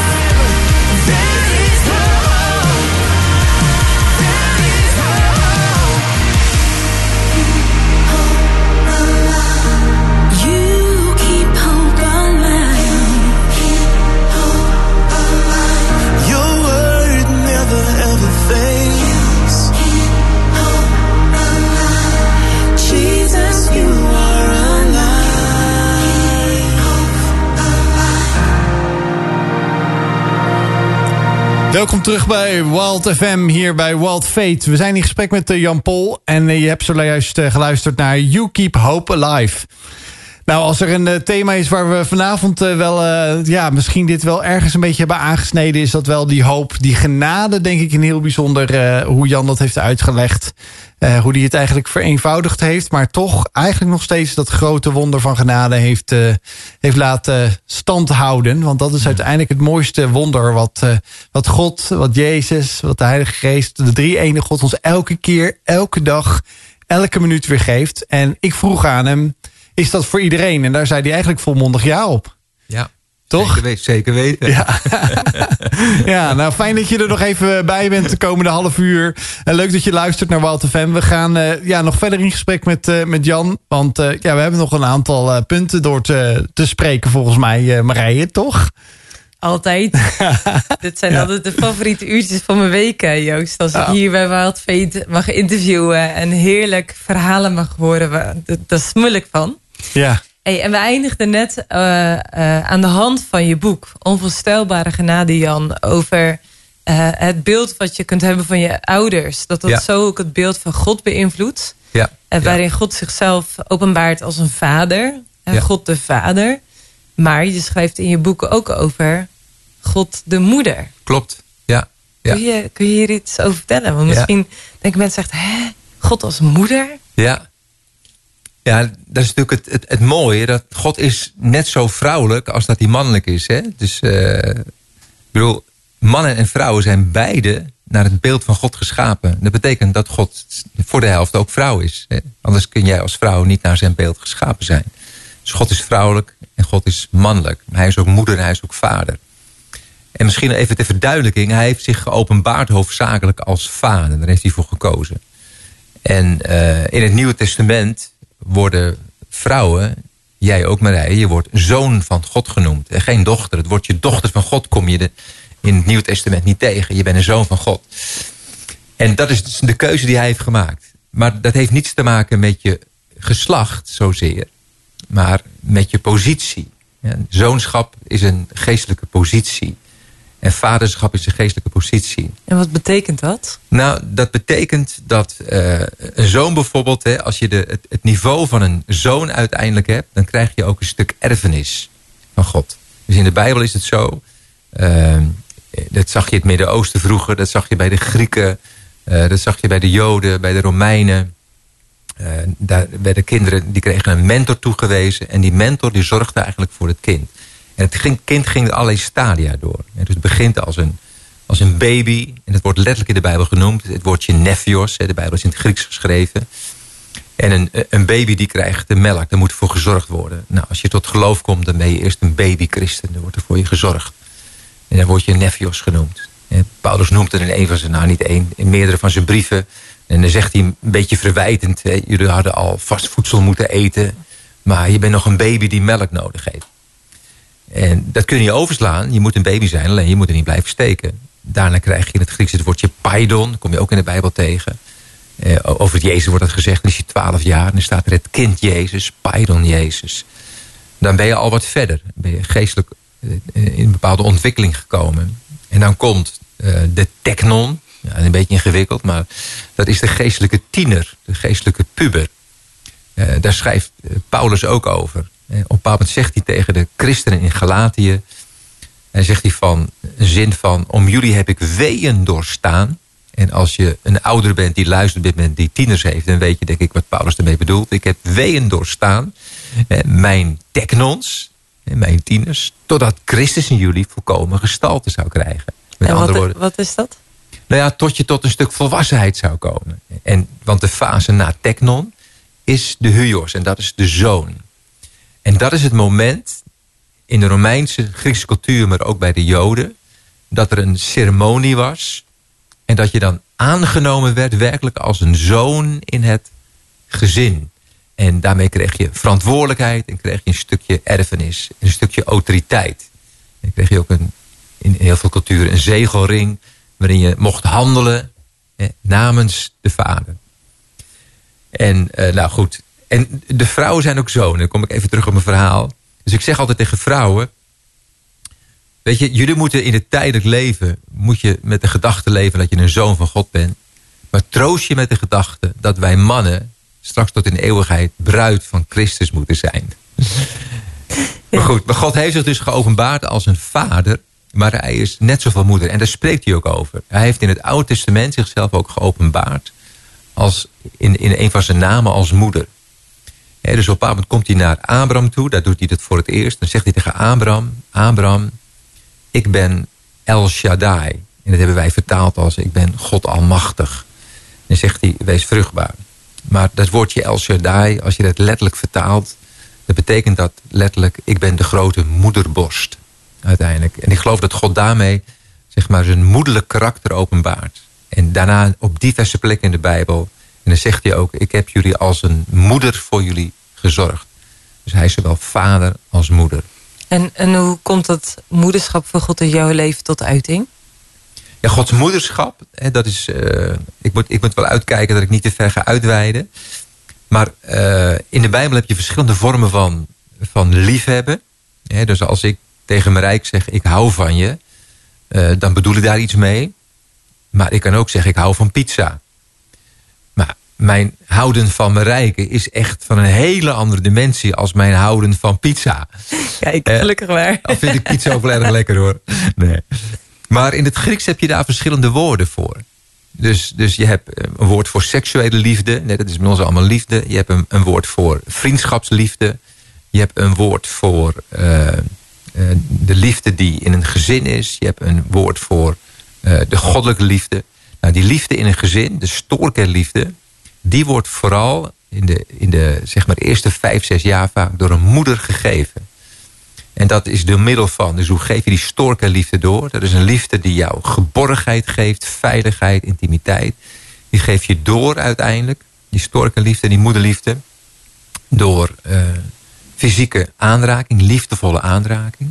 Het is ongelooflijk belangrijk dat baby's en kinderen liefdevol worden aangeraakt. Als dat onvoldoende gebeurt, gaan ze daar emotioneel, maar ook fysiek onder lijden. Dat is bewezen. Dus we hebben gewoon liefdevolle aanraking nodig. Ja, ze hebben zo'n onderzoek gedaan met baby's die ze dus eh, weken niet aangeraakt hebben. En die stierven ook gewoon daardoor. Ja, ja, ja. Dat is echt eh, dus, dat, dat is aangetoond inderdaad. Ontzettend belangrijk. Dus daarmee wordt die storke liefde gecommuniceerd. Maar dat is niet de enige manier. De tweede manier hè, waarop je dat doet... is door eh, je ogen. Dus ogen zijn ongelooflijk belangrijk. Ogen spreken. hè, Ogen kunnen doden. Als blikken kunnen doden. En die uitdrukking hebben we ook met elkaar. Dus ogen zijn enorm belangrijk. En het is, het is zo dat als je een, een baby zou nemen... Wij hebben nu een, eh, een kleindochter, onze jongste kleindochter. Die is vier maanden. Ja, als ik die hier voor me zou hebben... dan zou ze jou en Joost wat schimmig zien. Je bent te ver voor haar om scherp te zien. Op haar leeftijd ziet ze op één afstand volkomen scherp. Dat is de afstand van de moederborst tot de ogen van de moeder. En dat heeft God zo gecreëerd, geloof ik. Weet je? En die ogen van de moeder, die hebben een boodschap. En dat kind voelt in zijn zieltje op dat moment, zonder dat dat bewust is, wat die ogen tegen hem zeggen. Die proeft daar liefde in, of afwijzing, of boosheid, of verdriet, of teleurstelling. Dus ogen communiceren. Maar ook op latere leeftijd, als je een tiener bent en je komt thuis... en ogen van je vader of je moeder, die kunnen maken en breken. De derde manier zijn woorden. Dus woorden zijn ongelooflijk belangrijk. Woorden zijn containers. Ja, die bevatten een boodschap. En eh, we kunnen met woorden opnieuw mensen breken... en we kunnen mensen heel maken uiteindelijk. En dat geldt ook al voor een baby. Dan spreken we ook liefdevolle woorden. En vaak, dat heb ik nu ook met mijn kleindochter... dan zeg ik woorden die helemaal niet bestaan. Dan zeg ik kidi kidi koedi, hè, allemaal rare woorden. Maar toch bevatten ook deze woorden een container van liefde. Dus woorden zijn enorm belangrijk. Daarmee kunnen we die storke liefde communiceren. En kinderen moeten in een gezin continu horen... wat je ook doet, wat je ook uitspookt. Papa, mama houdt van je. Nou, in eerste instantie is het vaak de moeder veel meer die de rol vervult. En de laatste is, de vierde manier, is onverdeelde aandacht. Dus het moment dat, dat mijn kind aandacht aan mij vraagt... Ja, moet ik het niet als een verstoring zien... maar moet ik even alles opzij leggen. En het kind het gevoel geven... mama, ja, later papa, is er even helemaal voor jou. Nou, dat is eigenlijk wat, wat in de Bijbel, de gezinsliefde... wat ik ook een, een, een- in die eerste jaren met name een belangrijke taak voor van de moeder vindt. En dat is voor een kind ongelooflijk belangrijk. In die eerste vijf, zes jaren van een leven is de rol van die moeder ongelooflijk belangrijk. En als je nu luistert en je hoort deze vier principes aan... van hoe belangrijk het is om echt ge- gehecht te worden eigenlijk... om echt Ja. gezien te worden, om overladen te worden met liefde... en hoe essentieel dat dat wel niet is.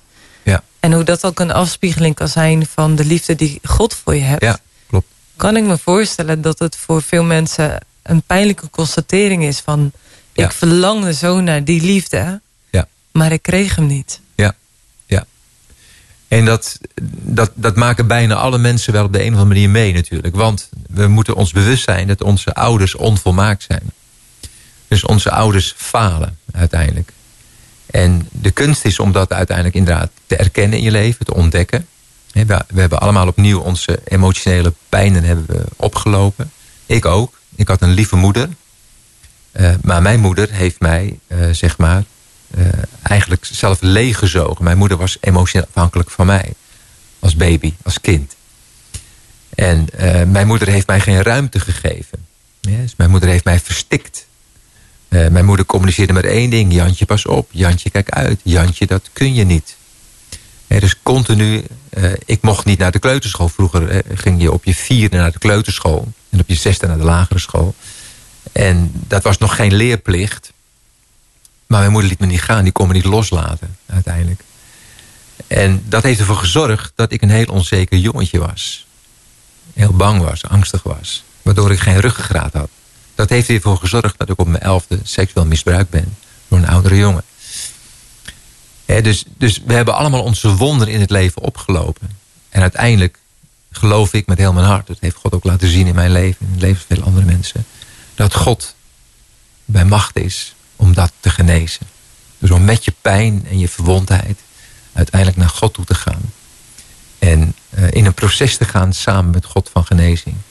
En dat kan zijn dat God dat soeverein doet. Maar het kan ook zijn dat je de, een stuk counseling nodig hebt van een pastoraal werker, van een psycholoog. Ik heb een traject gehad met een psycholoog. Ik heb een traject gehad met een psychiater. Ik heb een traject gehad met een therapeut-coach. Ik heb alleen trajecten in mijn leven gedaan. En ik heb volgehouden in al die trajecten. Het waren steeds weer stukjes die me hielpen. Ja, totdat ik echt ervoer, maar nu ben ik een heel mens. Ja, nu leid ik niet meer. Nu is mijn gedrag wat ik nu vertoon niet meer zeg maar, te koppelen aan de pijn en de verwondheid waarin mijn ouders tekort hebben geschoten. Had je daar moed voor nodig om dat vol, vol allemaal aan te gaan? Ja, ja. En die moed zie ik nog wel eens ontbreken bij mensen om me heen. Dus ook bij leiders. Ik heb leiders zien vallen uiteindelijk. En waarom?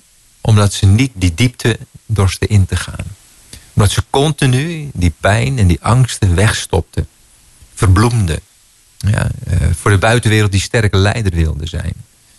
En het compenseerden door, eh, door de successen die ze hadden. De grootte van hun kerk. De hoeveelheid boeken die ze geschreven hebben, weet ik het. Op allerlei manieren kun je compenseren. Maar er komt een moment in je leven dat er een breekpunt gaat komen. Ja, vroeg of laat komt er een breekpunt en kun je niet verder. En dat is het moment waarop leiders vaak tot zonde komen. Ja. Omdat uiteindelijk eh, die pijn die zit daar en die komt een keer tevoorschijn. En dan zoeken ze op een verkeerde manier een, verstilling voor die pijn. En hoe kun je die moed dan verzamelen bij elkaar? Ja, dat heb ik gedaan natuurlijk als leider. En eh, dat, is, dat, is, eh, dat vind ik een beetje moeilijk om dat te zeggen. Maar er zijn, er zijn diverse leiders in mijn leven geweest. Die mij 30 jaar geleden, 25 jaar geleden, een beetje vreemd vonden. Er zijn vrienden van me. Die zeiden van, ja, we vonden jou eigenlijk een beetje zwak Jan. Een beetje een watje. We vonden het een beetje moeilijk. Ik had laatst een leider die zei op het podium tijdens de conferentie, heel eerlijk. Die zei van, Jan is voor mij een groot voorbeeld op het gebied van kwetsbaarheid. Maar ik heb het heel lang niet begrepen. Ik had vaak plaatsvervangend schaamte als Jan kwetsbaar was op het podium. En ik dacht van, dat hoort niet. Hij hoort een sterke leider te zijn. Weet je, door het voor te doen... eh, heb ik gelukkig heel veel leiders mogen beïnvloeden daarin. Waardoor ze ook de moed hadden uiteindelijk om kwetsbaar te worden. Ja, Brene Brown die schrijft vandaag de dag er boeken over, Ja, geeft TED klopt. Talks. Ja. Het is echt gewoon de beweging. Ja. Van oké, juist door kwetsbaarheid ontstaat de verbinding. Ja, klopt. Maar eigenlijk ging je Brené al heel lang geleden, 30 jaar geleden, ging je haar voor. Nou, dat heeft jongens. letterlijk Wilke van de Kamp tegen mij gezegd. Die zegt, Jan, jij was profetisch, zei hij, op het gebied van kwetsbaarheid. Hij zegt, nu worden er boeken over geschreven. Maar jij was 25 jaar geleden al een kwetsbare leider. Ja. Dus ergens had je iets gezien wat andere mensen vreemd vonden. Echt dachten we, nou, wat doet die Jan? Plaatsvervangende schaamte. Terwijl ze Ja. nu wellicht ontdekken, hé, hey, maar er ligt dus een sleutel Ja, in Ja. durven kwetsbaar te zijn. Ja. Om in de spiegel te kijken en te realiseren, hey, de pijn die ik heb, projecteer ik op andere dingen of op andere mensen. ja. Plus dat je op dat moment ook, eh, zeg maar, de aanleiding weghaalt... dat mensen je op een podium gaan neerzetten. Ja, want dat is natuurlijk vaak wat gebeurt. Ja, en dat je daar ergens ver weg op het podium komt te staan. Je komt heel dichtbij. Je, je komt op hetzelfde niveau te staan als degene die jij leidt. Maar joh, maar ik heb ook mijn pijn. Ik heb ook mijn angsten. Ik heb ook mijn woede. Ik heb ook mijn, mijn diepte waarin ik uitschreeuw naar God. Ik heb momenten gehad, als ik dat in een preek zeg, dan zie ik een zaal wel eens schrikken. Het moment dat ik heel diep zat, dat Marijke erg ziek was. En ik het niet meer aankon. En dat ik letterlijk vloekte. Vloekte. Weet je. En eh, ik heb toen zo gehuild. En ik was vol schaamte. Dat ik vlo- gevloekt had. En toen kwam die ongelofelijke buitensporige genade van God weer. Ik lag te huilen op de bank. Marijke lag ziek in de woonkamer. Ze had eh, kanker aan de bijschildklier. Ze lag met een zware hernia. Ik heb zo zitten huilen. En toen kwam die zachte stem van God. Die zei, Jan, het is goed. Ik vind het niet erg dat je vloekte. Ik begrijp je. Begrijp je pijn. Ja, ik begin. Dat was zo'n kostbaar moment voor me. En het moment dat ik dat deel... Ja, haal ik heel veel schuld bij andere mensen eh, vandaan. Die ook een moment misschien God vervloekt hebben... vanwege de situatie waarin ze zaten. Het moment dat ik de diepte van een angst deel... waar ik ook last van heb gehad... ja, haal ik... oh, heeft Jan Paul dat ook gewoon? Hey. En natuurlijk probeer je ook sleutels te geven... om uiteindelijk genezing te vinden voor die pijn. Overwinning over je angst. Dus dat verhaal hoort er ook bij natuurlijk. Ja. Maar je kunt niet ergens van herstellen of genezen of door een proces heen gaan als je niet wil erkennen Ja, dat is het. Je moet dat de pijn er zit. Dus Ja. je moet ergens ook kwetsbaar worden naar jezelf. Van, Ja, oh shoot, ik ben dus inderdaad bang. Of wat die Jozef had waar je al eerder over sprak, zeg maar. Die, die zag dus die drie volken op hem afkomen in die strijd. En die dacht echt, Ja. oh man, oh man, oh man, wat gaan we nu gebeuren? Dit, dit wordt mijn ondergang, letterlijk en figuurlijk. En dat te erkennen zorgde ervoor dat hij echt dacht, oké, hier is een wonder nodig. En ik denk dat we soms wel eens in het leven tot de conclusie komen van oké, ik schiet tekort. Of, of het lukt me niet. Of eh, alles Ja. loopt spaak in mijn leven. ja. Ik heb dus hulp nodig. Ik heb hulp nodig. Zelfs Jezus erkende dat. Dat is mooi, hè? Ik vraag wel eens in een zaal van, is angst zonde? En heel veel mensen denken dat angst zonde is. Ja. Van, eh, zeg ik, nou, dan heeft de Jezus dus gezondigd. Maar de Bijbel zegt dat Jezus zonder zonde was. Maar hij was bang. Hij was hartstikke bang. Ja, hij zweette zelfs bloed. Hij zweette bloed. Ja. Maar wat doet hij? Hij vraagt drie vrienden van hem om met hem mee te gaan. En hij vertelt ze, bid voor me. Ik ben bang. Ik ben dodelijk beangst. Hij maakt zijn angst bekend aan zijn beste vrienden. Zo mooi. Jezus toont daar optimale kwetsbaarheid. Prachtig, ja. Daar begint het. Inderdaad. Ik, eh, ik denk dat heel veel mensen, misschien herken je dat ook wel, eh, Joost, dat je eh, als je kwetsbaar bent, eh, dat, dat je ergens bang bent dat, eh, dat het, ja, je hoofd dus soort van eh, eraf gehakt kan Ja. worden. Ja, Maar, maar eh, Jan die zegt hier even van, eh, eh, dat is juist de sleutel tot een stuk herstel om kwetsbaar te zijn. zeker. Herkenbaar. Ja, daar kan je bijna weer over. Het, het is dat de aflevering bijna. Dat we bij bijna door wat eh veet heen zijn. We kunnen nog een uur eraan plakken, bijna. Dan, ja, we zitten natuurlijk zo diep in gesprek. Maar eh, ja, helemaal. Er zijn zoveel sleutels verteld vanavond, Jan. Waar ik denk ook elke luisteraar, of je nou wel of niet de christen denkt te zijn, bijna. Want uiteindelijk heeft iedereen iets met geloof. Of eigenlijk heeft iedereen iets met. Er is nog iets anders. Laat dat christelijke geloof, laat de Jezus waarover Jan vanavond heeft gesproken. De buitensporige genade die God de Vader geeft. Eh, waar we over hebben gesproken vanavond. Ook vooral de sleutel voor jouw nieuwe leven zijn. Ja. En als je dat boek nu wil bestellen, eh, dan is dat beschikbaar. Onvoorstelbare genade heet het boek van Jan Pol. Ja. En eh, ik zou zeggen, bestel het, lees het, laat het heerlijk over je heen komen. Laat je inspireren door de woorden van Jan. En eh, weet je, één ding is zeker, er zijn dan nog elf andere boeken die je van hem kan lezen. Dus ik zou zeggen, begin er gewoon lekker aan. Dan word je vanzelf wijs. Ja, heel mooi eh, afgesloten, eh, Marije, deze aflevering. Jan, ik wil je heel erg bedanken voor je openheid, voor je openhartigheid, voor je vaderlijke moment wat we hier hebben kunnen ervaren in de, in de studio. En ook uh, zijdelings uh, Marijke, leuk dat je erbij was om Jan ook te ondersteunen, letterlijk en figuurlijk. En nou, wij zijn hartstikke bedankt dat je geluisterd hebt vanavond naar Wild FM, naar Wild Fate. Volgende week zijn we er weer met Nick van Zessen.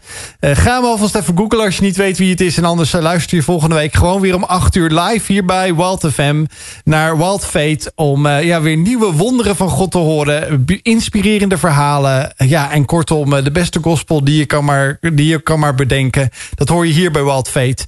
Ik wens je een hele goede gezegende, eh, ofwel gewoon een goede avond toe. En dat God ook jou uh, mag bereiken. Want het is de goedheid. Hè? We mogen niet meer zegenen zeggen. Sorry uh, dat we dat zeggen, Rob. Mijn collega van Rossum, dat we dat af en toe toch steeds gebruiken. Het zit gewoon tussen de oren. Maar bedankt voor het luisteren nogmaals en tot gauw.